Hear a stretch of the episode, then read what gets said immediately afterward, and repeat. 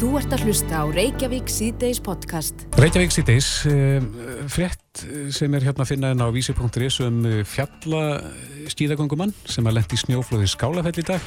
Mm -hmm. Sjúkrabíl, Lárikla Björgunarsveitur voru sendt á staðin en það voru Björgunarsveitir afturkallar. Ég stilst að hann hafi bara komið nokkuð vel undan þessu flóði. Já, á mikið mildi. Já, náði að, að bjarga sér þarna en, en við fáum alltaf annarslægi fréttir af fólki sem að lendir í slíkum aðstæðum. Akkurat.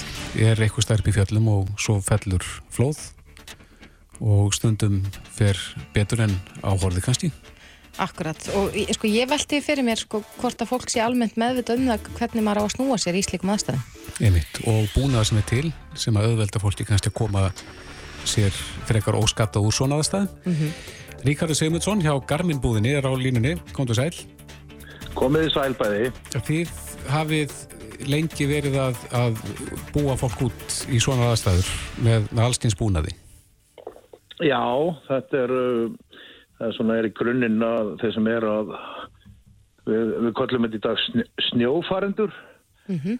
er hana, þeir sem er að þælast á fjöllum í, í snjó, annarkot vélsluðum eða, eða skýðum mm -hmm. eða jæfnvel kljóri þeir, þeir uh, vilja yfirleitt búa sér sem best og, og, og það er mikil nýliðun í þessu þannig að það er, það er hana, ekki allir alltaf konið með allan búna strax.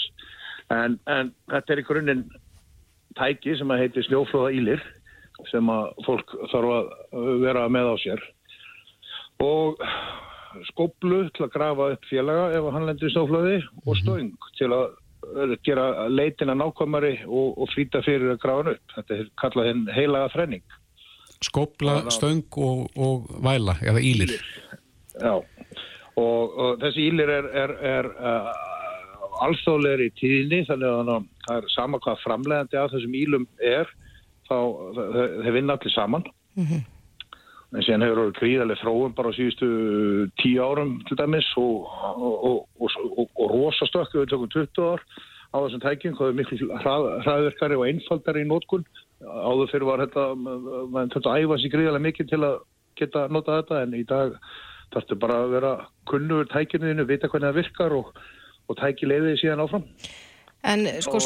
Og þetta er haft bara innan klæða og, og þetta miðar þig út svona tæki ef þú krefst niður. Já, en þessi, eins og þú kallar þetta snjófarendur, uh, eru alltaf að verða fleiri Já. og fleiri. Fólk er farið að vera meira í alls konar sko, fjallasportum á skýðum og göngum og annað slikt. Eru, eru margir sem að eiga svona búnað?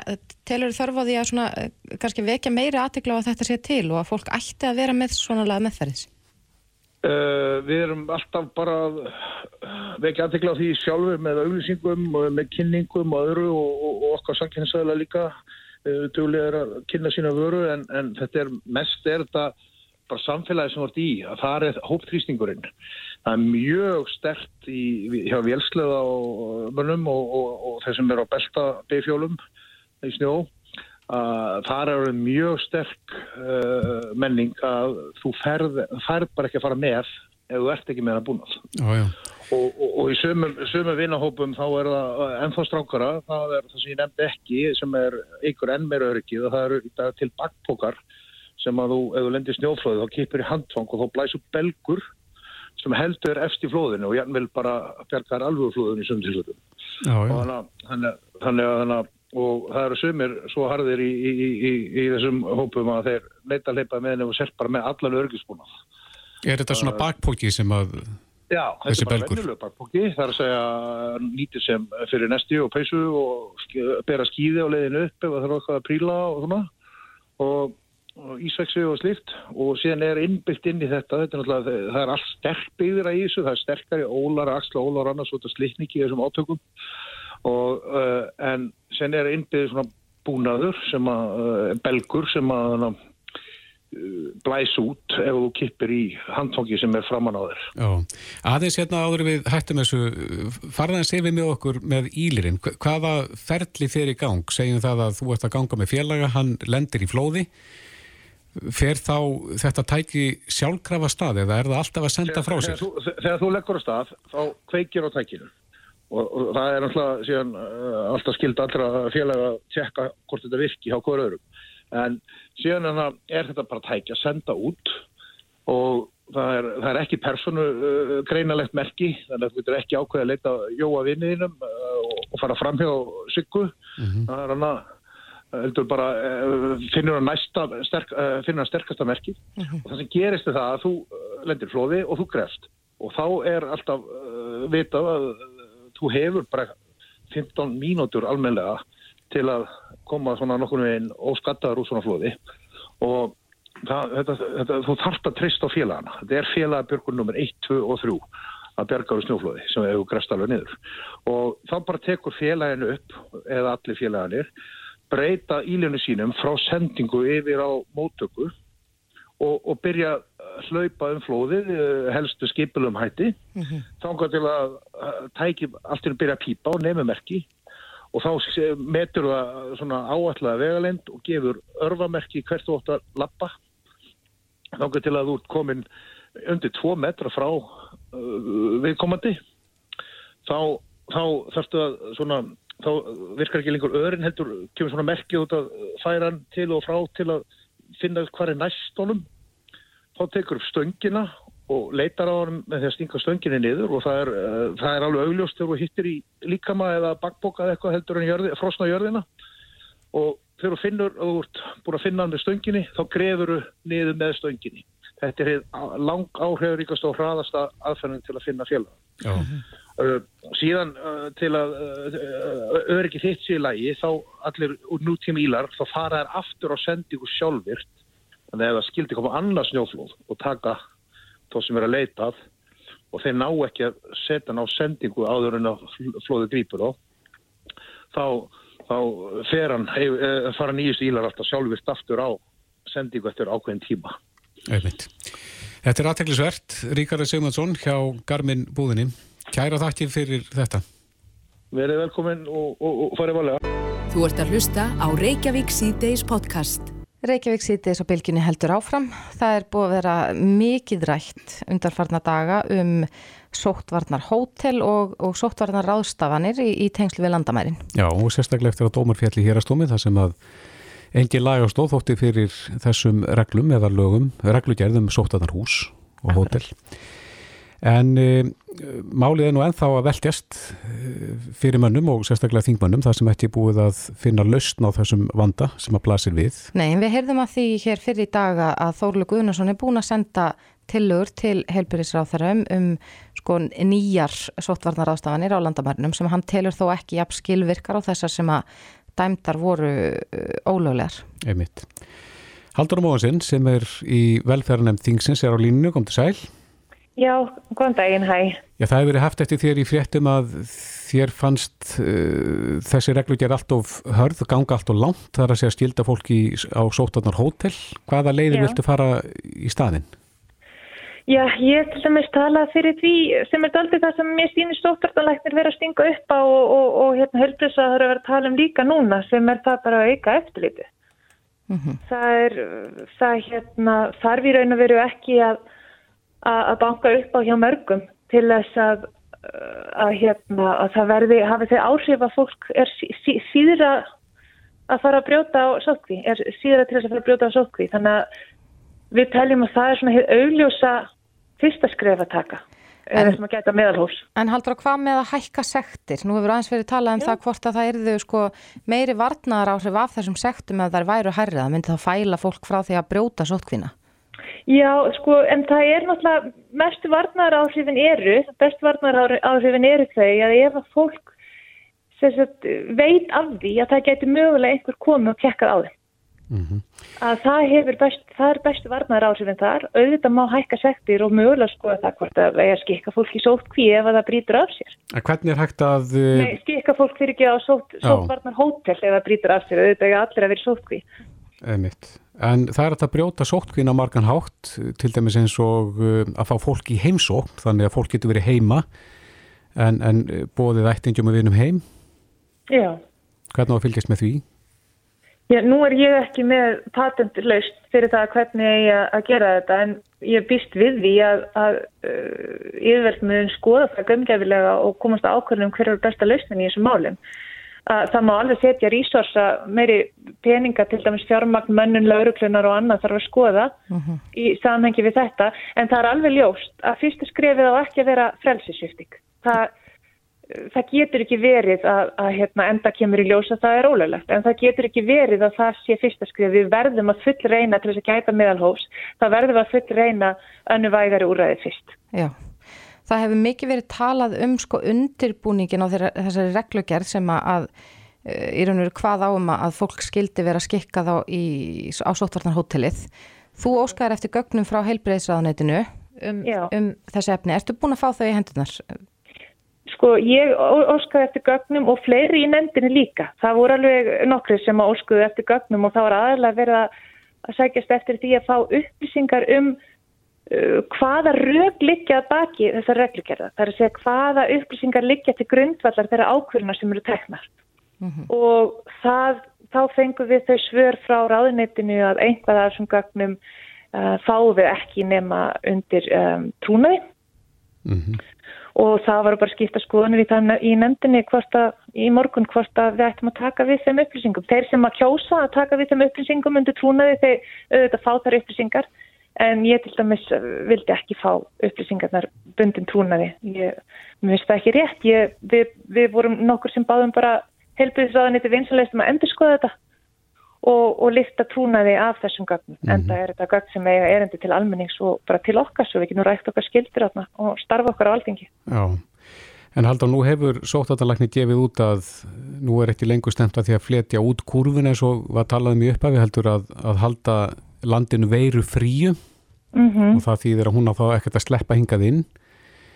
E, telur þetta að vera svona örugustu leiðina til að halda veirunni frá landinu þannig að sé að aflétta hér ymsum takmörkunum innanlands e, þessa leiði sem að þú nefnir að, að stikka ég- fólki í heimasótkví. Ég velti því fyrir mér í ljósi breytra markmiða sem að veldi mér að, að sama tíma smá áhyggjum með að veku fyrðu að markmiðin skuli breyta svona án þess að það eða sér staðin um út af því að ef að markmið breytist þá hefur það sannlega áhrif á aðgerðirnar.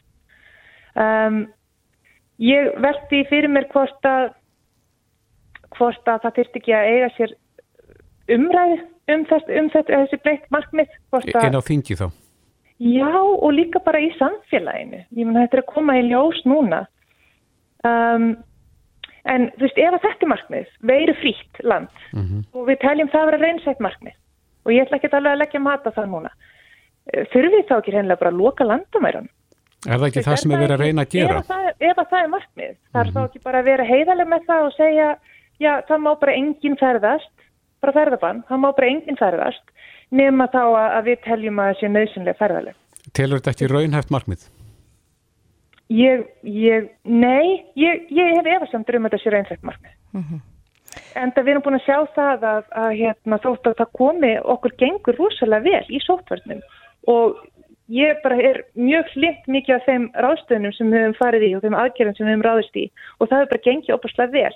En við sjáum það að veiran er alltaf að læðast inn aftur og nú eru komin önnur afbrigði og ég sé ekki alveg hvernig við eigum að ná þessu markmiði án þess að annarkort loka landinu algjörlega eða þá mögulega frelsisvist alla og þá þarf við, þurfum við að spyrja okkur er það samfélag sem okkur langar til þess að búa í og ef svo er til hversu langar, þú veist, hvað þetta vara í langan tíma? Já, nú hefur líka verið oft talað um að þetta sé bara nýja normið að þessi veira er komin til að vera allavega já, um svona ókomna framtíð en, en nú búum við hér innanlands við tíu manna samkomintakmarkanir og ími starf sem er lokuð er, það, er það réttlætan þetta þínu mati að, að halda þessu svona til þess að í raun og veru reyna að gera samfélagi veirufrýtt? Að hérna ég átta ekki á því. Ég, mér finnst þetta já, mér finnst þetta bara ef þetta er að kalla á svona harðar ákvarðanir svona opbúslega ítingjandi áhrif a, a, a, hérna, eins og frelsiskerðingar og annað að þá finnst mér að við þurfum að eiga það samtala allavega á líðræðslegum vettvangi bæði inn á þingi og líka í samfélaginu. Og við erum að komast að því hvort sé sáttum uh, þetta markmið og að fara þær leiðir sem markmiði kallar á. Þórulega Gunnarsson sagði allavega í dag að, að já, veirufrýtt samfélag væri forsenda þess að við gætum slakað á. Mm og, og það er allavega ekki svona í, í nánustu framtíð. Það fyrir það ekki alltaf eftir hvernig gengur að bólusetja og annað. Er, og svo var ég bara á, ágætt að vita hvenar, þú veist, hvaða markmið þurfa að ná bólusetningunum í. Það er að bólusetja alla, er bara hluta, hversu stóran hluta, hvað minn það taka langan tíma. Mér finnst þetta allt fyrir spurningar sem þarf að svara uh, sem hluti af bara þessari heildar mynd. Já, hann talaði um 50% bólusetningu hérna við okkur í gerð. Nú, 50%, ok, þá er komin, komin einhver tala. Mm -hmm. Já, eh, Haldóra Móhansson í velferðanemnd Alþingis. Kæra þakki fyrir þetta. Já, takk sem er leiðis. Bless, bless. Hlustaðu hvena sem er á Reykjavík C-Days podcast. Við tölum um það á hverjum degi að það séu tveir leikvangar í þjóðmálunum. Það er COVID og það eru eldstöðunar á, á, á Suðunisjum. En það eru margar jákvæðar liðar þó að bájendin séum svona hér og þar í þessum málaflokkum en kannski einhverjum COVID en, en e, Kolbjörn Nóttarsson proppi þingmaður, hann hefur stungið upp á því sem að margir hafa nú hugsað e, þegar, þegar eldstöðunar þarna í, í merar og, og geldingagiljum eða dölum þarna á, á Reykjaneskaganum eru eru til umræðu, það er það hvað, hvað má vinna úr þessu jákvægt, það er að segja uh, Kolbjörn, þú, þú kallar eftir því að, að menn, menn drífis í því að, að, að já, útbúa þarna uh, móttökustadi fyrir, fyrir ferðalangin sem að væntarlega fer að rúast hingað inn aftur og, og gera sér svolítið mat úr þessum, braðgóðan mat. Já, ég kalla, þetta er náru markþætt ef svo má segja, annars vegar held ég að við verðum að bæta aðstöðu þarna strax mm. um, fara í betri stígagerð um, tröppur það sem þarf og svo framvegis það er ekki síst fyrirbyggjandi hugsun sem þar býra baki að fólk sé ekki mikið að snúa sig og þetta og, og, og hvað það er og, og létti kannski á viðbraksæðlunum okkar sem að hafa náttúrulega unnið þrekvirki. Það er sko maður bara fyllist lotningu að fylgjast með, með því góðastarfi sem þar hefur verið unnið þannig að um, það var í hluti á svona bráða aðgerðum sem ætti að fara í sem fyrst og í raunikettin eina býða mm. hins vegar uh, held ég að þurfu líka að fara að hugsa þetta til einhverjar framtíðar ég er alveg synd að fólki segir okkur að þetta muni verða einhver framtíð með eldsbúandi hérna gíg þarna og það mun bara draga að sér æg meira fólk. Ef okkur finnst mikið af fólki þannig núna þá getur við rétt ímyndað okkur eftir einhverja mánuð og misseri þegar uh, heimurinn er meirið að minna bólusettur og COVID er ekki lengur vandamál. Hver áhugi fólks verður þá? Þess vegna þurfum við að, að sem fyrst líka því að það þýðir ekki að gera svona eftir á fara að huga, að fara að huga því að koma upp akkurat mótökustöðum Um, allskins þjónustu sem að þarf fyrir þann fjölda fólk sem ég held að, að muni koma.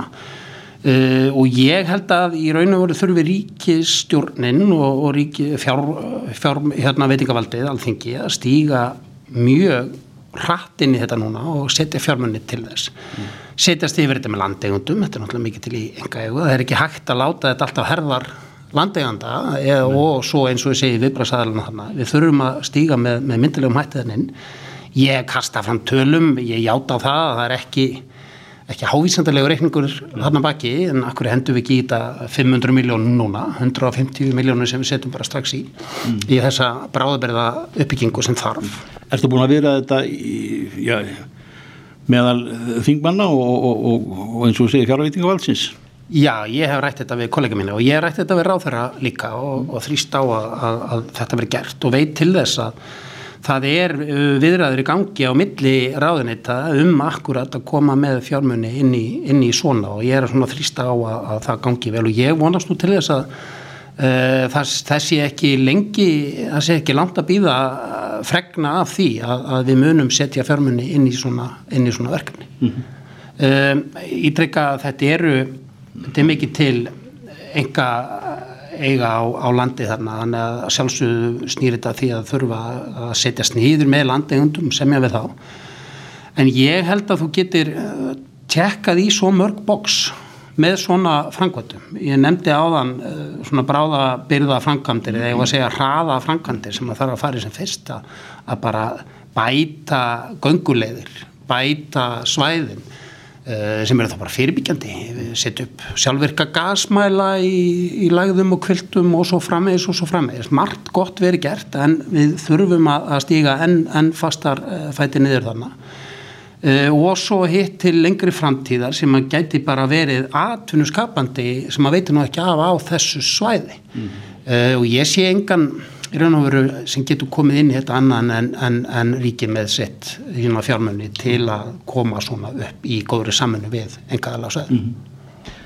Já og svo náttúrulega sér maður fyrir sér möguleika á, á greiðasölu salernis, aðstafa pallar hér eða þar og treyst á það að já, minnst sko utan þess svæði sem að jarðsvæðingar benda á að geti opnað sig fyrir enn varir en, en e, hefur þið goða tilfinningu fyrir því að, að nú á síðust á vestu tímum að þetta geti gerst innan tíðar, það er mikilvægt.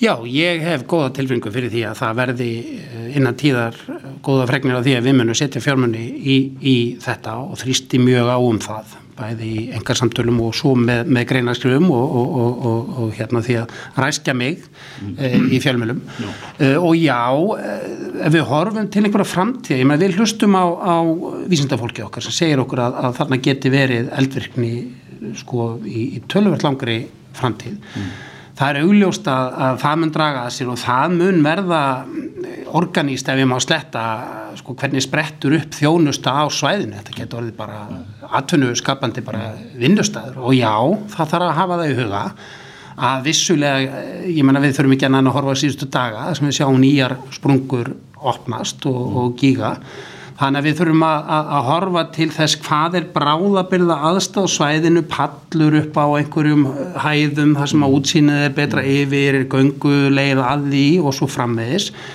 Og hvað er þá einhverju meiri fjallaði sem er meiri öryggi sem getur verið þá til einhvers lengri tíma. En ég segi samt að sko jafnvel bráðabyrða tröppur upp erfiða brekku sem að komið veg fyrir að einhver detti og, og snúi sig og, og brotni eða hvaða verður sem gæti svo jafnvel þurft að bara taka upp og færa út af einhverjum nýjum hérna, sprungum er, er samt eitthvað sem við eigum að gera. Við eigum að bæta aðgengið að, að svæðinu. Það er þreikverki búið að vinna þarna og fólkið á svæðinu þarf stuðning ríkisins. Góðum mynd, Kolbjörn Óttarsson Bráfið, takk. Takk Reykjavík síðdeis á bylginni. Áframvegin hér í Reykjavík síðdeis eh, það eh, lætur svona frekar undanlega í, í margra eirum að, að eh, nú í miðju COVID og miðju eldfjalla ástandi og, og svona frekar óróa samt viða í, í samfélaginu svona í, í efnarslegu tilliti að það skulle vera uh, íbúðaskortur í Reykjavík eða lóðaskortur, ég veit það ekki. Allt hérnt er, er talað allt í einum það að, að við höfum eh, slegið slöku við í, í því að, að eh, byggja okkur íbúður fyrir mannskapin eh, við erum hérna hjá honum Páli Heiðar í Pálsinni þjóðkunur fastingnarsali hva, hva, hver er skýringin á þessu? Ég nálgast þetta bara svona, ég, ég skilða ekki alveg. Er þetta er þetta einhverjar breytingar á efnaðsviðinu sem að framkvalla það að að þetta er vextir eða einhver aðrar hagstærðir sem að ráða því að, að fleiri kom inn á markaðin en, en ætla var? Sko í dag eru rúmlega 30% af þeim sem eru að kaupa fastegni eru fyrstu kaupundur, mikið ungu fólki. Og uh, ástæðin fyrir þessari press á markaðinum er fyrst og fremst loðaskortur og uh, tíman sem það tekur fyrir byggingar aðala að raun og veru frá þeir byrja að byggja og þá getur byrja að geta selt er líka allt og langur tími. Og í dag ef við bara tökum sem svona, svona þessi einföldu tölfræði að þá eru innan við þúsund eignirinn á markaðunum eins og staðnir í dag, auðlistar eignir þar af um rétt um 200 nýbyggingar sem er allt og lítið. Það þurfa að vera svona 7-900 íbúður hverju sinni á markaðunum til að halda ákveðna temprun á markaðunum en á sama tíma eru um bylunu 25-30 þúsund nótundur á fastanumvefunum að skoða fastegnir þannig að það má færa rauk fyrir því með þessari einföldu tölfræði að það séu kannski 25-30 manns sem eru að skoða hverja, um hverja eign í raun og veru.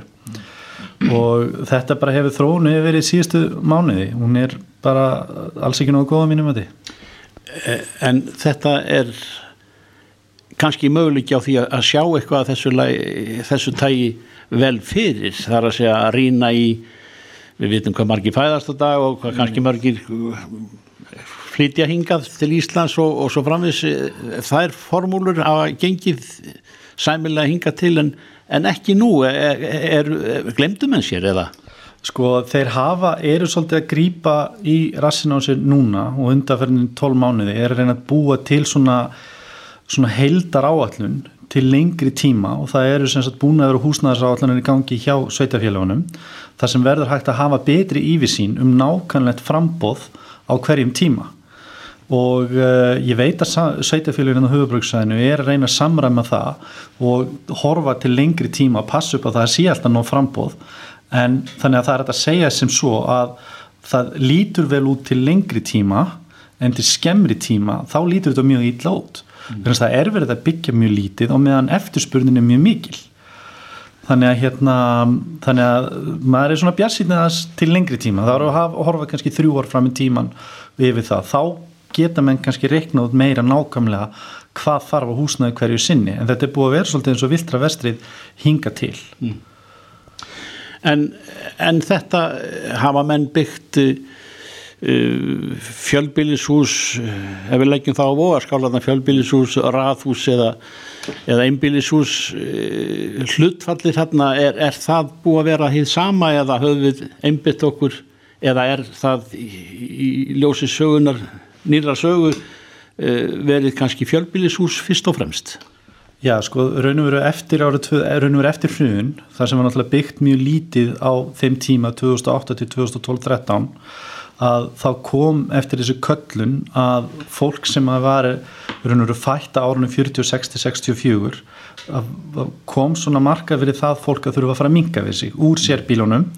Það er alveg endur fórum en að staða að byggja íbúðir sem voru fyrir eitthvað stórar en fljóðlu upp á því 2015, 16, 17 og þá sáum við fram á það að það þurft að minga þessar íbúðir og meðal fermetrinn á nýbyggingum hefur verið að minga til dagsins í dag en svo þegar þessir aðeins þessir sem eru að kaupa þessa minni íbúði þar sé fyrstu kaupendunir að þá hefur myndast sko eftirspurðin eftir þessum að þeir sem eru aftar í keðjunni þeir sem eru að fara úr minn íbúinum í fjárherbygg íbúð þann í hæðina þann í rað og parhúsið en nú er orðin mikil spenna og eftirspurt líka inn á sérbílismarkaðin út af þessum dóminu áhrifum sem byrjuðu frá eignunum sem voru hvað minnstar þannig að mjög mikið og mjög stórt hlut allar þeim íbúin sem eru byggðar þetta eru minni íbúir heldur en voru bara hérna fyrir fjórum-fimm mánu síðan mm.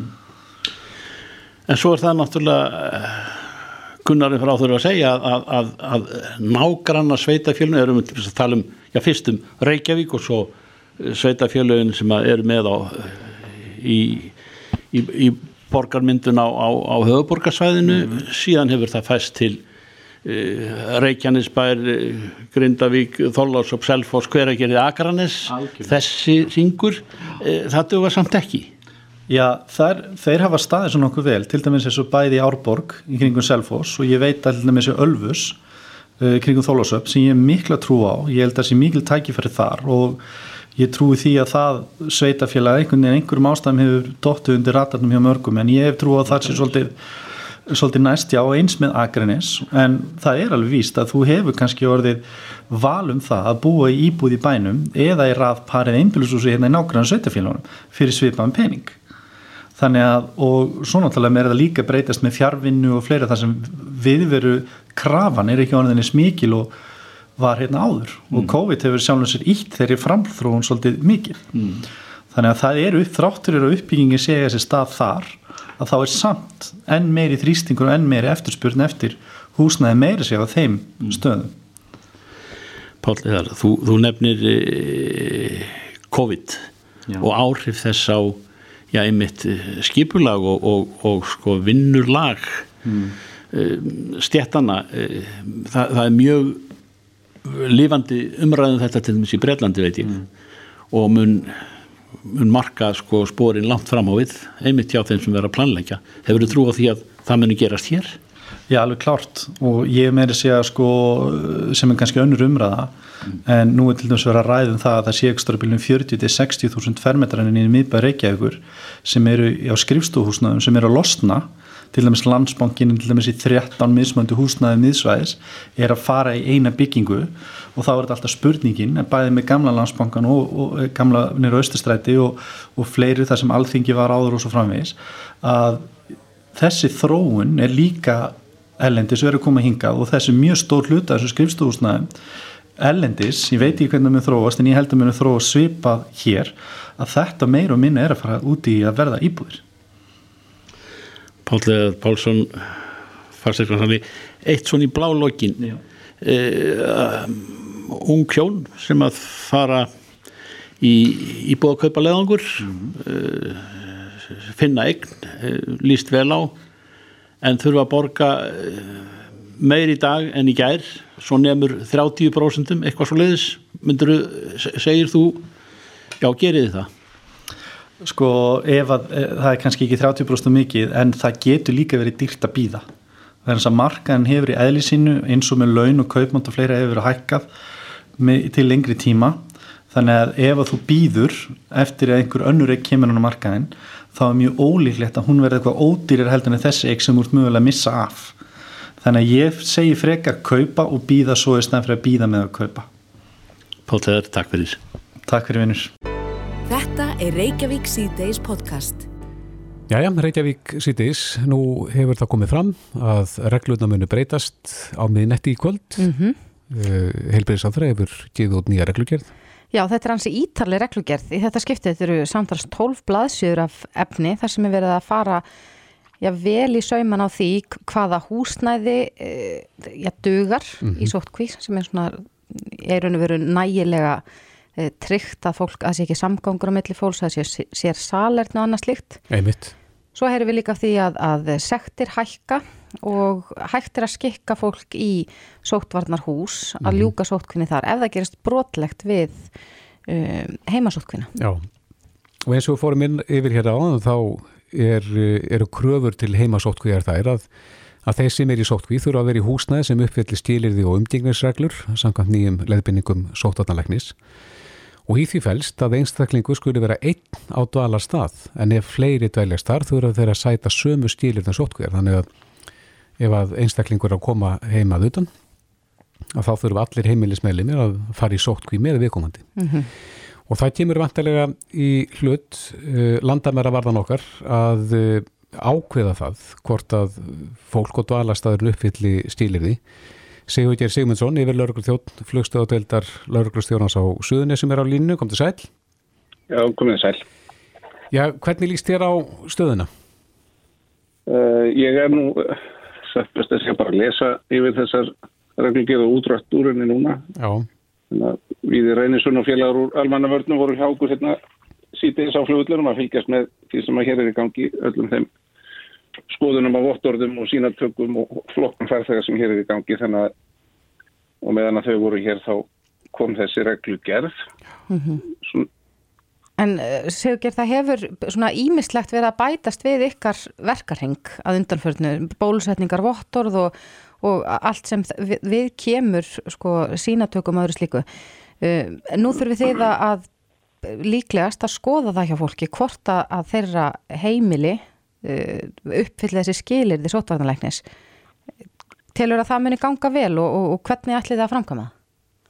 við gerum okkar besti því eins og hinga til og við höfum svo sem gert það í allan veitur að, að reyna að leggja matta það hérðan hvort að búsett úrræði uppbylli skiliði og þá látið vita til örugla á staðanum þar sem fólk býr sem hefur þá farið eftirlit en svona í fljótubræði sínist með þessi breyting núna að vera til einföldunar Uh, það er ekkert verið að flokka fólk eftir því frá hvaða löndum það kemur það eru engin dökkröður lönd lengur og lögheimili skiptir ekki máli, þjóðerni skiptir ekki máli þannig að mér sýnist þetta að vera talsverð einföldun á, á þeim aðgerðum sem hér verða og Já. það vonandi til bóta Hvernig farið þið að því að meta það hvort að húsnæði viðkomandi uppfylli stíliði sótkvíðar? Það segir sér sjálf að hér á staðnum er það þá fyrst og fremst hvað fólk segir en við getum að sjálfsögðu einni farið í þjóðskrá og, og, og aðra skrár og séð hvernig því er háttað.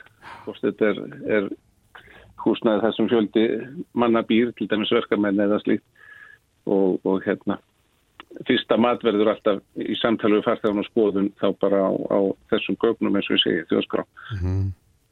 En, en ég, já, ég held að þessa, sko, þessa breyttureglur sem við sínist vera til nokkur einföldunar og skýrar en var þegar við þurfum ekki að vera að flokka fólk eftir þjóðverðni eða hvaðan það kemur.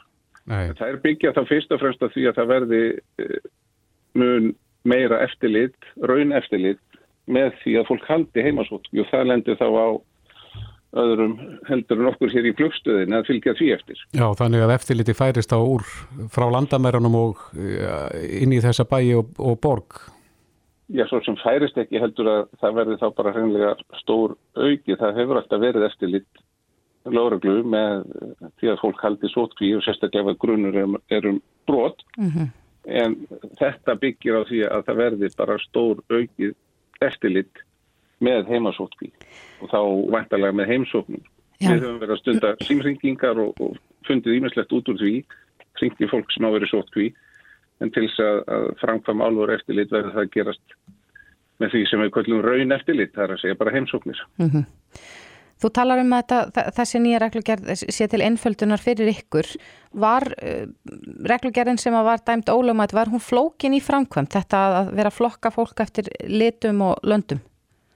Já, það var það og það var eins og flokkun sem var í gangi síðasta sumar, þetta var svipað og þá, þá hétt þetta öruglönd sem að fólk mátti koma frá til Íslands og þá, sem sagt síðasta sumar án nokkura skifunar, nú var í reglíkina sem var verið að fellur brott er var talað um dökkröðlönd og flækistíð var bara mjög mikið því að fólk gætt komið frá örugari löndum í gegnum þessi dökkröð og var þá undan þegið sót kvíjar hotellinu og samaskapi gætt fólk komið frá dökkröðum löndum í gegnum önnur lönd sem voru ljósar á litin eða allt upp í græn sko. Þannig að þið fagnir þessu þarna á í landamær eftirlitinu heyrist okkur Já, við fagnum þessu þetta bara við yfirleistu núna sínast mér vera til einföldunar og skýrar en var því sem að snýra farþum áður um komin til landsins og þetta byggist þá að því að það verið sett mikið púður í, í raun eftirlit til þess að fylgja sótkví eftir það sem fólk á að vera í sótkví. Já, Sigur Geir Sigmundsson yfir lauruglu þjótt, flugstöðadeildar lauruglu stjónars á söðunni sem kæra þakkir fyrir þetta. Já, takk fyrir, ekki ykkur vel. Sömulegist takk. Og frá flugstöðleifs Eiríkssonar frá landamærunum e, yfir í sóttvarnalækni sjálfan, Þórólu Gunnarsson er á línu, kom til sæl. Já, sælverði. Já, eins og við heyrðum á eh, Sigurgeri hér áðan, þá fagnar landamær eftir litið þessu og segir að þetta seti mikillar einföldunar. Já, ég, það er bara á gett þetta. Ég veit að þetta var erfitt fyrir fólk sem að, uh, var að útfæra þetta á þessu óvisa og, og ekki skýra línur. Ekki, það er ekki þægilegt fyrir þau að, að vinna í því umhverfi, þannig að það er bara gott að heyra það. Mm -hmm. Við heyrðum þig segja á upplýsingafundi í dag að, að þessar tillögur væri ekki jafn áhrifaríkar og, og þær sem skikkuðu fólk í, í sóttvarnarhús og erum aðeins búin að tíunda hvað kemur fram í þessu en, en hverjar eru svona helstu breytingarnar? Er þetta aukið eftirlit og, og, og skýrari línur í kringum heimasóttkví? Jó, sko það, ég held að það sem við vorum að reyna að gera áður var það að reyna að bara hafa betra eftirlit og einfaldara eftirlit með fólki sem þurft að fara í sóttkví sérstaklega frá á áhættu svæðum og það var einfaldara í framkvæmt heldur en það sem við erum að leggja til núna og, og held ég held að það hefði verið svona uh, uh, áhrifaríkara en, en þá tökum við bara næst besta kostin og þá þurfum við fyrsta lagi að skýra skilgreina betur og, og skýrar hvað heimarsótt hví inniber uh, og, og þeir sem ekki geta uppfyllt það að þeir, þeir þurfa þá að fara í í uh, hérna sóttvarnarhús og, og hérna þannig og svo þeir sem eru heima í heimasótt hví að reyna ebla eftirlit með þeim en það þýðir náttúrulega að það er gríðarlega umfangsmikið og, og ekki, ekki öðvelt í framkvæmt og mun kosta sitt. Já, hvernig sér þú fyrir að það eftirlit fari fram? ég, það er bara verið að vinna í því og það er almannavarnadeildin sem að er að hugsa það og hvernig, hvernig er hægt að framkvæma það og, og þá svona eftir að koma, það er ímsar hugmyndir á lofti en, en þá eftir að koma bara betri ljós. Já, er það ekki rétt stíli hjá okkur að ef að einstaklingur að koma frá uh, að utan og ákveður að fara í sótkví heima þá fara allir á því heimilisvangi í sótkví með honum? Jú, það er þannig að hann verður að vera, ef hann fer heim til sín og er inn í húsi, að þá annarkort verður hann að vera uh, einn í sótkví í húsinu eða þá ef að fólk allir að vera inn á heimilinu þá verður allir að fara með honum í sótkví. Það, það dugar ekki að vera inn í einu herbergi og svo uh, fullt af öðrum fjölskyldumöðlum. Við erum náttúrulega búin að sjá það að það eru tölur hægt á smiti við slíkar aðstæður, þannig að það er ekki inn í, í reglunum. Nei, akkurat. Ertu bjart þérna á að, að þetta dugi og þetta haldi? Já, ég vona það, ég vona að þetta muni döga en þetta er erfiðar í framkvæmt og, og hérna floknara og, og kostar meira heldur en hitt held ég. Já, kannski östuðt í lokin Þorlur, við höfum fengið viðbröð hjá nokkurum stjórnmálamönnum í dag varandi það sem kom fram á upplýsingafundunum að, að stefna væri núna sett á veirufrítt samfélag og það var ekki hægt að slaka á takmörkunum fyrir að við höfum búin að ná þessari veiru út og þetta hefur komið mörgum á óvart og segja um stefnubreitingu að ræða. Alls ekki, þá hefur bara fólk ekki verið að fylgjast með og fylgjast með því sem hefur verið sagt. Við höfum alltaf sagt að við stefnum að því að, að, að, að ná skoðum tökum að veirun hér innanlands eins og mögulegt er. Höfum, það var einungis í byrjun sem við töluðum um það að fleti út kurvuna og þá vissum við raun og verið ekki nákvæmlega hvaða, hvernig, hvernig það myndi takast, hvaða aðferðin þurftum að beita og hvaða árangurum myndu ná og síðan þegar höfum við talað um það allan tíman að við erum að reyna að ná eh, veirun eins mikið niður eins og mögulegt er og það þýðir náttúrulega líka það að reyna að ná þá bara veiru fríu samfélagi eins og hægt er og meðan við erum að ná góður í útbreyðslu bólusetningar. Það hefur við alltaf sagt og ef það gemur um einhverjum á óvart á hefur sá eins að ekki bara verið að fylgjast með því sem við höfum verið að segja. Já, Þórlu Guðnarsson, Sotvarnalegnir, kæra þakki fyrir þetta. Já, sumulegis, takk fyrir. Bless. Reykjavík síðdeis á Bilginni podcast. Það verður aldeilis veistla annað kvöld á stöð 2 Já, betur. Hlustendaverlunin 2021 verða veitt í opinidagskrá mm -hmm. annað kvöld klukkan 18.55 og þetta eru, sem sagt, það er verið að veita þeim verlun sem að hlustendur Bilgjunar X-ins 977 og FM 957 völdu í kostningu á vísi. Ég myndi að segja að þetta væru hinn fullkomnu verlun fyrir tónlistafólk þar sem að þeir sem að hlusta og njóta, þeir eru að verluna. Akkurat. Nánast millilega löst. Já, reyndar eru við millileginni þarna út á stöðarnar. Jóhann Ólásson, komið til okkar. Jói Dans, velkomin. Takk fyrir. Þetta verður veisla. Þrjár út á stöðar sem að standa þessari veislu. Mm, já, þetta er búið að eiga sér stað núna ansi mörg ár í rauð að þessar þrjár stöðar gera þetta saman og okkur fannst hérna jafnvel enn meira tilefni en áður til þess að gera þetta þó að það væri ekki hægt að gera þetta eins og við erum vön að gera þetta. Það er að segja halda stórt partí á einhverjum flottum stað, við vorum í Hörpu í fyrra og mörg ár þar áður í Háskóla bíó og náttúrulega tróðfullu salur af gestum, hlustendum sem hefur verið búið á þessa háttíð og, og svo popparatnir og þetta er svona, við hefum náðið svona smá ársáttíða stemmingu í popparansanum líku við mér að segja á þessu kvöldi en nú er þetta ekki hægt en, en það var hins vegar frábært síðasta ár hjá íslensku tónlistafólki. Og mikið gefið út af músik og mikil gróska. Kannski fundu einhverjir meiri tíma hjá sér til þess að semja lög og taka upp, ég veit það ekki. Minna um gig kannski? Já, sann, sannlega minna um gig, þannig að já, ég veist að ég að gróskan hafi verið bara með besta móti í útgáfu og svona, já, fólk er að gefa út líka bara eitt og eitt lag, það er nýr tíðrandi í þessu, þannig að þegar við fórum að undirbúa hlustandavelunni þá stóðum við frammi fyrir tveimur áskurunum, það var bara að velja hreinlega úr, það var bara erfitt. Og svo bara hvernig eigum við síðan að gera þetta að flottu tónlistapartí og það er auðvitað bara hægt með, með hérna, fulltingi stöðvar 2 sem að sínir bara glæsilegt prógram annarkvöld eins og Þórtís var að segja klukkan 18.55 í opinni dagskrá. En finnur þið fyrir því eins og ég segði þetta að, að tónlistafólki sé þakklátt? Já. Af því að sko, þarna er, eru hlustendurnir að Já, þeir, þeir, veistu, þeir eru svo þakkláttur. Ég er aðeins búin að hérna gjóa augunum eftir þessu. Bara núnum daginn var auði með þætt á stöð 2 Uh, og ég, hvort það var þáttur þar sem Erpur var viðmælandi, hérna tónlistamennir okkar mm -hmm. og þá sá ég glitta í gamla velunagripi, því þessi uh, hátíð hefur verið haldið en lengi þannig að sko ég þykist vita að, að popparar og, og tónlistafólk sem hefur fengið þessi veluna gegnum tíðina haldi upp á þau, kannski ekki endilega gripin en hann er kannski búið einhverjum hillum en ég veit að þetta er ferinn í hjartaðum að því að á, þetta er beintenging við fólki sem að, hérna, er að hlusta og er að taka feginsend á móti músikinni Mhm. -hmm. Og það er líka svolítið bara gaman að nefnit í, í þess að ég er svo ánæður með þetta samspil útvarstöðvana, hlustendana og svo tónlistar fólksins þetta er svona þríeiki sem að getur ekki annað en átt samleið alla daga gegnum útvarstöðanar og hérna og ég er bara svo, er svo ánæður með það sko hvernig hérna við erum líka að gera þetta þannig að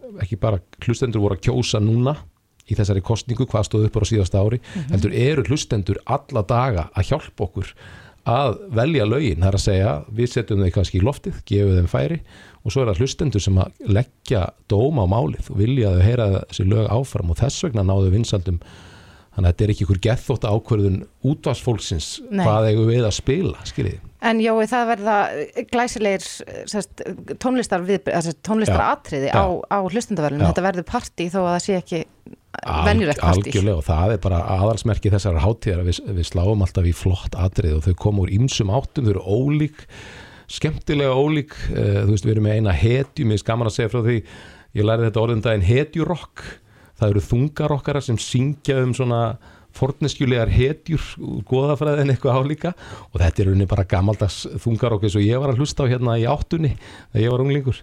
Uh, flotti strákar bara í þröngum buksum með sítt hár og þeir heita Power Paladin tóku þátt í einhverju lagakeppni hjá Exinu og eru, eru að koma fram á þessari hátíð og eru þar með kannski svolítið óþektir en eru mjög spenntir að koma þarna fram. Og svo yfir í bara GTRN og Jón Jónsson. Þau hafa átt gríðarlega vinsall lag upp á síðustu misseri Mhm. sem að eh, þau ætla að spila fyrir okkur annarkvöld Bríet ætlar að koma fram. Herra Hnetusmjör, hann er nú líku orðin fastagestur á þessari hátíð. Ímist sem út, eh, tilnefndur eða sem veluna hafið eða sem sá sem kemur fram. Og hann ætlar að koma fram annarkvöld og verður með nýtt lag sem enginn hefur heyrt áður. Það er, og það er geggjað að, og svona mætti lengi telja, þetta er á ekki bara klára listan, sko, uh, hérna, rottvælir hundar, það eru mjög margir spennti fyrir að sjá þá, þeir koma sjaldan fram og þegar þeir gera það, þá er það bara, þá er það algjör bomba.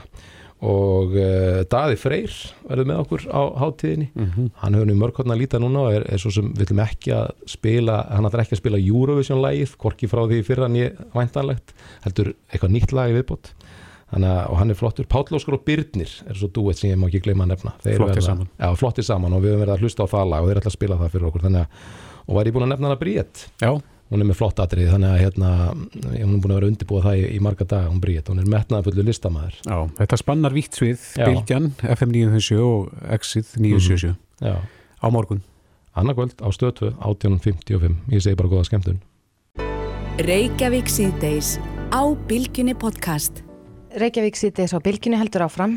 Uh, við töluðum hér í gær, minnum alveg örgla, tíminn farin frá manni, við mann sem að, var að kalla eftir svörum frá, frá yfirvöldum um það hvert svona yfirlist markmið með sóttvarnaraðgjörum væri. Já.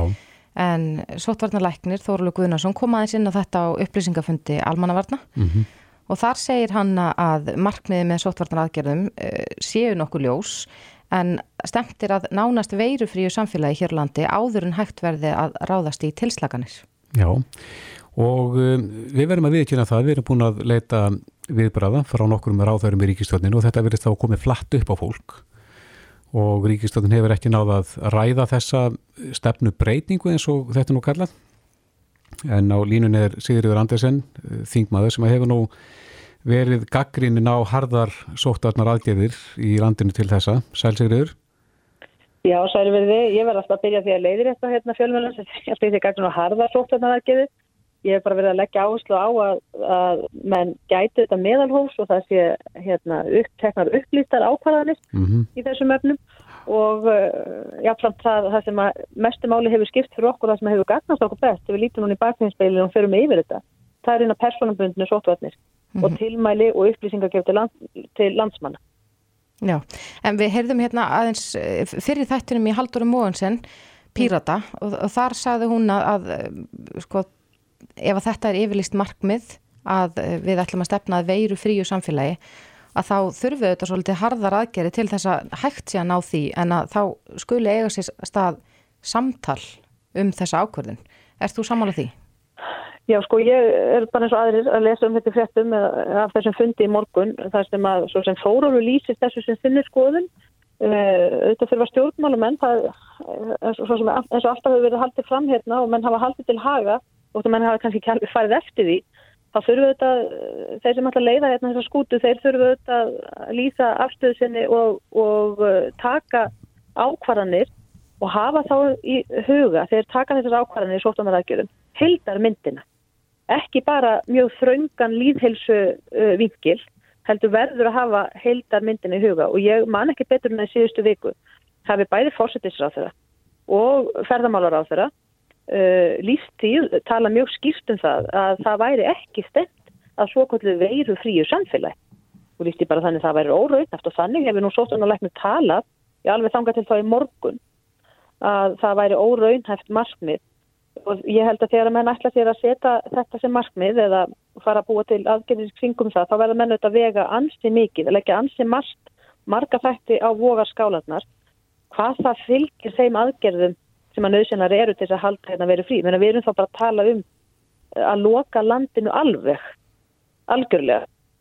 Uh, og þá er eins og hann kallar eftir að skilda alla sem koma til landsins í uh, einhvers konar eftir sóttvarnarhús Og hugnist þér kórugt? Uh, ég tek alveg undir, tek alveg undir það með, með Haldóri uh, vittna í hennar með það að þá eru það auðvitað ekki öðruvísi gert en með lögum eins og það er margótt komið fram mm -hmm. að, og þá þarf að liggja, þegar menn alltaf leggja slíkt lagaflöðan fram, þá þarf að liggja ansi svona góðar upplýsingar um það hvaða áhrif slíkar aðgerfi myndu hafa e, í margvíslegu tilliti.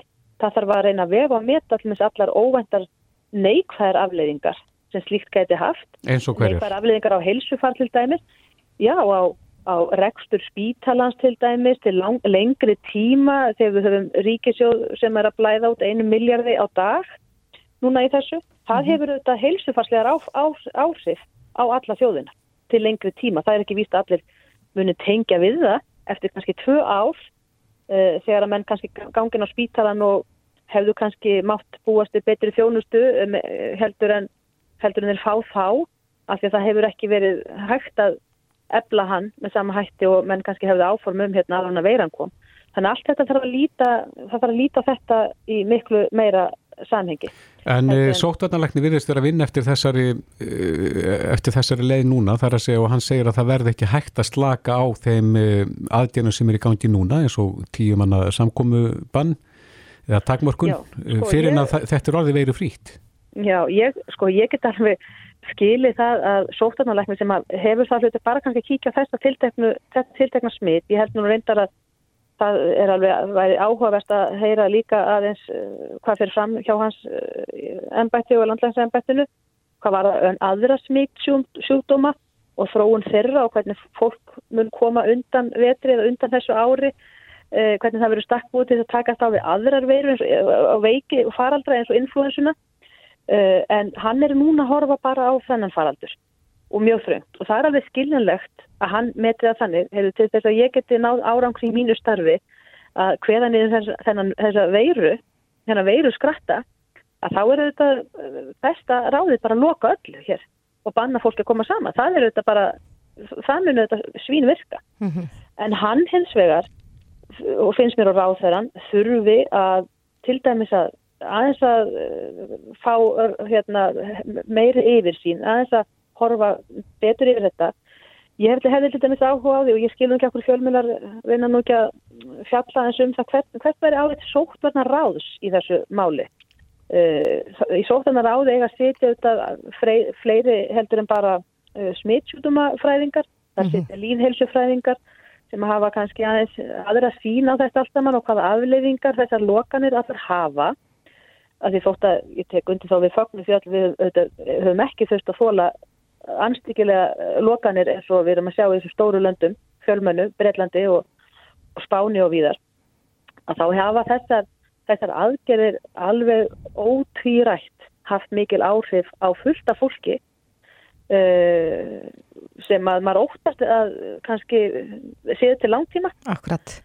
En, þannig, að, já, þannig að þetta er svona, þetta þarf að líta en, en það er auðvitað aðtikli verðt að hann, hann kynni þetta svona en ég uh, held að það veri áhugast að heyra hvað þeir sem ætla að sigla þessari skútu, hvað þeir segja, hvað þeir taki undir þetta markmið. En Sigríður- finnst þetta bratt mark, markmið að, að hérna, og ég held að það sé algjörlega óraunhægt og ég held að þetta kosti allt of mikið.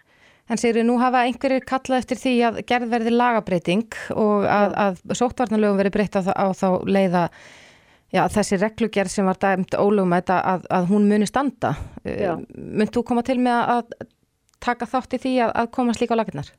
Nei, og heilbriðsraðara sjálfur hafið ekki huga á því þegar hún lagði sjálf fram frumvarpið þótt að við hefðum ekki breytt ef við hefðum bara samtitt frumvart heilbriðsraðara sem hún lagði fram eða við hefðum samtitt óbreytt í februar þá var þessi lagaheimild ekki til staðar hún hefði ekki verið lagagrundvöldur svo lagabreiting fyrir þessari reglugjörn En hvað breyttist Þannig þá í, í ferlinu? Hvers vegna heldur þú að þetta hafi þá komið inn í reglugerna?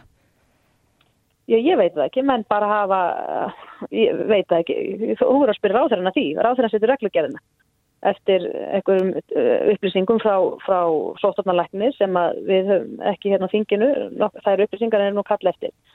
En uh, auðvitað kemur það, það kemur á til fyrir að uh, ráðherra setja einhverja reglugerði sem að eiga sér ekki stóði í einhverjum lögum, sko. Það líkur fyrir, þetta er hins vegar auðvitað mjög alvarlegt að þessi reglugerð, hún varðaði frelsisviftingu og náði að frelsisvifta nokkur hundur manns, ef ég skil það rétt, eða mér svo styr, 200-300 manns. Þannig að, að, eh, og ég nei, ég mun ekki, miða við þau, það eru upplýsingar sem ég hef um þennan faraldur, bæði hér, hérlendis og heima. Og, og þetta ógagsægi, mér líður nú ekki vel með það, það ógagsægi sem að þingmenn hafa svolítið þurft að búa við varðandi, varðandi aðgerðirnar, að þá er ég ekki tilbúin til þess að segja að ég myndi styðja uh, herstari, enn herstari aðgerður og heimildi til enn uh, frekari sviftingu borgarlega réttinda heldur en nú þegar er orðið. Þannig að eh, komi, komi fram frumvart um þetta frá ráðherra, þá þarf það að vera mjög vel raukstutt og, og þingmenn áskilir sér auðvitað allan rétt til þess að kalla allir þá sérfræðinga fyrir uh, til þess að meta nöðsynina á, á, á slíkum aðgerðum, hagsmunna sem er undir og heldar myndina hvaða mögulegu neikvæðu af, afleðingar væru af slíkum aðgerðum. Einmitt. Þannig þetta, já. Sigriður Andersen, eh, þingmaður og fyrirvunandi ráþæra. Kæra þakki fyrir þetta. Já, takk fyrir, gerðu svo vel. Leður. Þetta er Reykjavík C-Days podcast. Reykjavík síðdeis, þættirinn hennar Sigrunar Óskar, eh, leitin að upprunanum, hafa vætið mikla aðtikli og, og það er svona að tekum að kannski betur eftir e, málum sem að snerta leit fólks að upprunan sínum og það var ung kona sem að setti fæsluna fjöspókina, það sem hún lýsir leit sinni að lífræðilegum föðu sínum, hún heitir Ásta Kristín Guðrún og dóttir Pálsdóttir og er á línunni, kom til sæl. Hæ, hæ. Já, þú settir inn þessa fæslu í gerð þar sem að þú lýsir því að þú sért að leita. Já. Eh, hvernig hefur gengið í leitinni? Um, sko, það hefur bara ekki, ekki gengið neitt, sko. Ég er í raun að setja þessa fæslu bara eftir rosalega langa leit, bara öðru sér leit. Hvernig leit hefur stundað núna sérst, síð, síðastlegin tíu ár síðan þú komst að því að þú værir rán hverjuð? Um, til dæmis bara uh, spurt fólk, bara alla sem þekktu mömmu sem ég veit af og, og bara svona erlenda genabanka. Mm -hmm. Og Já, við förum aðeins yfir forsuguna, móðiðin er látin eða ekki? jú, mm -hmm, langt síðan. Já. Já. Og, og hvernig komstu síðan að því að þú værir rángveðruð? Um, það var bara svona grunur sko í gegnum árein sko bara hjá mér að því ég kannski leita aðeins öðru svo út en fjölskylda mín. Mhm. en hérna og um, já. Og svo bara ákvaða við að, að komast bara að þessu bara fyrir sko fyrir tíu árum. Bara í, með DNA prófi Fóstu, fóstu þá að lest bera saman DNA uh, sagt, föðurðins, uppeldisföðurðins og, og þitt? Já, já. Viss, vissi hann líka af því að, að hann var ekki pappiðin? Nei, hann vissi það ekki, nei. Þannig að hann, Nei, nei. hann stóði þeirri meiningu að hann væri lífræðilegu fæðin? Já, já. Já, já. En þú, þú deildir þess á Facebook í gær og, og það er nú mikil viðbröð meðal hans búið að skrifa frétt á vísi.ri sem að, að vonandi hjálpar þér við leitina. Uh, Já. hefur fólk haft samband við þig síðan að þú deildir þessu? Sko, uh, það eru margir sem vilja hjálpa. Ég finn rosalega bara hlýju og, og bara hvað fólk vil hjálpa sko. Og það er bara ótrúlega góð tilfinning en ekkert svona ekkert svona vísbendingar hinga til sko. Ekki eins og komið er. Nei, eins og Kristoffer myndist á hérna áðan að þá hafa þessi þættir leitina upp, að upprönnunum vakið mikla aðtekli á stöðu 2 og svona kannski fengi fólk til marga til þess að fara í þessa upprunna leit. Um, hvað, var það sem, hvað er það sem drýfur þig áfram í þessari leit? um, bara svona uh, bara þú veist svo margt. Forvitni vilja bara lifa bara uh, eftir því hvað er sagt sko. Og bara kynast kannski sjálfur í mig betur aðeins og hvaðan ég kem veist, líka þaðan frá sko. Og uh, já. Bara forðutni um þetta allt og, og bara og kannski líka bara þú veist uh, bara kærleikur líka í þess átt sko. Að ég veit náttúrulega af þessu. Og kannski vi, veit sagt, þessi tengsl mín eða þú veist þessi tenging þessi lífræðilegu fæð minn og, og fjölskyttan hans kannski vita ekki af þessu. En hérna þannig að það er kannski bara kærleiks ströymir þang í þáttina. En þú talar um erlenda gena gagnabanka. Er, ertu búin að prófa slíka banka? Já uh, nokkra þannig sko. Sem hefur ekki stíla neinu? nei. Uh, sko það, maður sér alls konar tengsl en þetta er bara svo rosalega mikið efni og kannski sko ekki mjög náinn tengsl. Mhm. þannig kannski er hægt að púsla saman einhverju en það tekur bara rosalega mikla vinnu. Og ég gerði þetta í langa tíma en svo bara náttúrulega já, svo ákveði gera þetta í gær og það hefur bara undir svolítið upp sig núna. Og, og ég fekk bara mjög fín viðbröð við þessari fæslu Hvernig, hvernig tekur pappiðin þessari leit þinni? Er hann, er hann með þér í þessu? Já, hann er bara svo glaður og, og bara það er bara, hann er bara svo glaður bara að, uh, að ég sé að gera þetta sko. Mhm. Já, þetta, við vonum allavega að þetta gangi mjög vel en uh, maður svona veltiði fyrir sér sko, he, eða hefur þú einhverja tilfinningu fyrir því hvort að, að líffræðilega fæðirðin sé hér á landi eða gæti verið að hann, hann sé staðsettur erlendis? Sko, mm, uh, samkvæmt þessum genaböngum þá ég, ég er með smá upplýsingar úr því og þá uh, sagt uh, maður veit kannski hvað, hvað þetta er sko um, hvað, hvað þetta er svona víst sko en samkvæmt þessu eru, eru genum mín sko skandinavisk um, svona 70% og, og hérna og svo eru 15% tyrknesk og 15% brest íst það er eitthvað svona eina sem ég svona Já, veit um það sko. Þetta er ákveðna vísbendingar en, en kannski ekki uh, en Nei. vísa ekkert í eitthvað ákveðna áttir. nei, nei En og þegar við ekkert í að pappiðin hefur ekki getað svona bakkað aftur í huganum og svona hu- hugsað hvar mamma, mammaðin hafi verið svona uh, um þetta leiti. Jú, sko, það eru allir svona námir að reyna að hugsa fyrir mig og, og eitthvað, en það bara, það er kannski bara, uh, ég náttúrulega var ekki þarna, þannig ég veit ekki alveg hvernig bara lífið var hjá þeim, en það er bara enginn sem engum betri hug, sko. Nei. Það er ekkert, ég get ekki farið til einhvers sérstaks og, og, og sko, og pröfa þá leið eða eitthvað sem það er bara enginn sem kemur til greina hjá neinum. Já, þú ert svolítið stopp í þessu núna.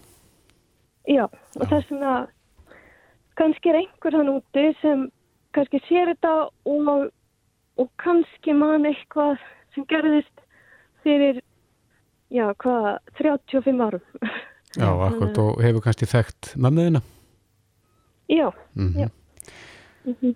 Ásta Kristín Guðrunadóttir Pálsdóttir, við bara óskuður góðs gengis með þessa leitt og kæra þakki Já. fyrir spjallið.